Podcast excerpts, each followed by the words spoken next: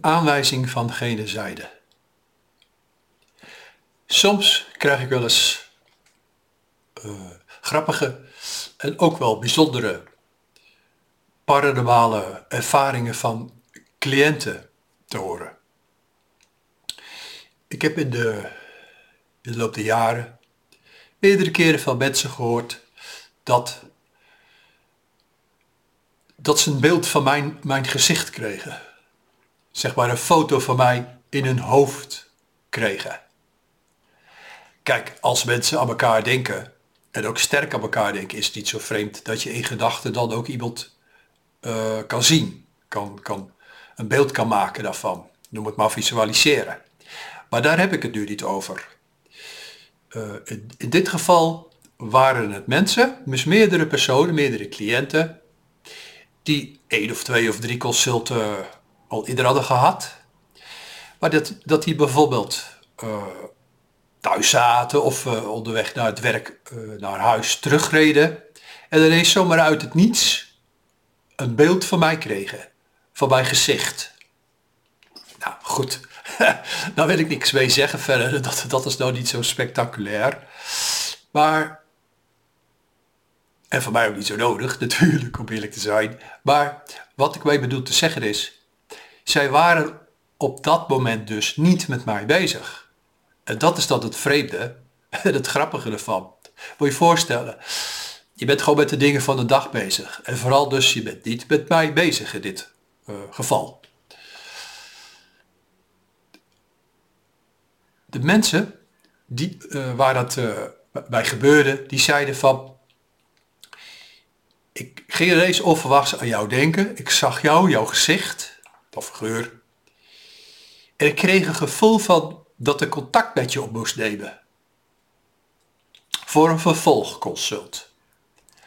Nou ja, oké, dat kan natuurlijk. Maar moet je voorstellen, als iemand daar niet mee bezig is, daar niet mee uh, ja, over na zit te denken of je, dat je dat in je achterhoofd hebt, dan is dat natuurlijk wel raar. Waar ik nou naartoe wil is dat gene zijde uh, soms wel op, op duizend en één verschillende manieren contact met ons kan maken. Dus kennelijk in dit uh, geval, in dit voorval, wilden ze dus aan gene zijde een bericht, een boodschap overbrengen. En in dit geval, geval dan via mij. Dus de persoon was niet met mij bezig. Hè, zat niet over mij te denken. Er was gewoon niks. Maar kreeg dan ineens onverwachts op zijn derde oog. Eh, op zijn innerlijk oog. Zijn innerlijke scherm. Of helder, uh, helder ziet oog. Of derde oog. Hoe, hoe je het wilt noemen. Kreeg ineens een beeld geprojecteerd van mij. Nou, ik weet ook dat niet altijd iedereen alle, alle, alle ja, persoonlijke ervaringen eh, vertelt. En dat hoeft ook niet. En dat is ook mijn punt helemaal niet. Maar het is natuurlijk wel grappig dat iemand dan een aanwijzing kreeg door mij te zien. En, en, en ook daar gehoor aan gaf. Ik vond het wel leuk, want ik merk zelf soms ook wel eens dat, dat, uh, dat ik ineens spontaan aan iemand uh, het zij privé, het zij werk, maar in dit geval dan hou ik het maar even op de praktijk, dat ik ineens aan iemand moet denken. En we denken aan elkaar. Dat is logisch. Dat is niet zo vreemd. Maar als je ineens aan iemand denkt waar je eigenlijk niet bezig bent, dat is gewoon vreemd. Dus in dit voorval van cliënten denken aan mij, maar die worden dus gestuurd min of meer. Ik krijg zelfs ook wel eens een beeld van x, iets of iemand. En de, de persoon belt uh, voor een consult.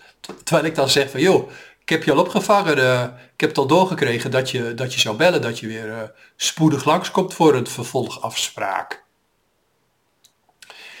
Toch zijn dergelijke ervaringen niet zo vreemd. Wat ik daarmee wil zeggen is, kijk, wat ik al eens eerder heb uitgelegd, stel nou voor dat jij zelf, en dat is misschien wel, dan ook wel, wel zo leuk, dat jij s'avonds uh, geïnteresseerd, uh, uh, met plezier naar een film zit te kijken. Op de tv of je bent in de bioscoop, dat doet er natuurlijk niet toe. Maar laten we zeggen dat je aandachtig een film aan het bekijken bent. thuis op de bank, lekker ontspannen.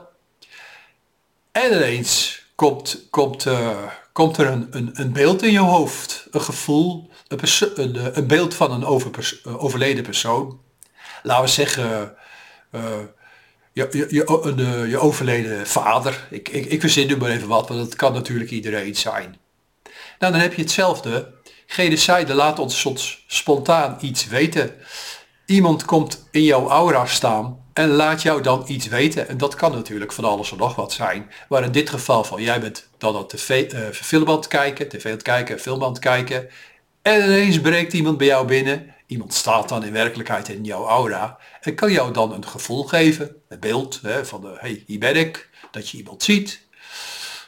Ik denk even aan een pasfoto uh, van iemand, hè, dat je weet wie, wie de persoon is. Of een voorval. Of je ziet misschien een heel klein filmpje in je hoofd. Of je krijgt een bepaalde boodschap.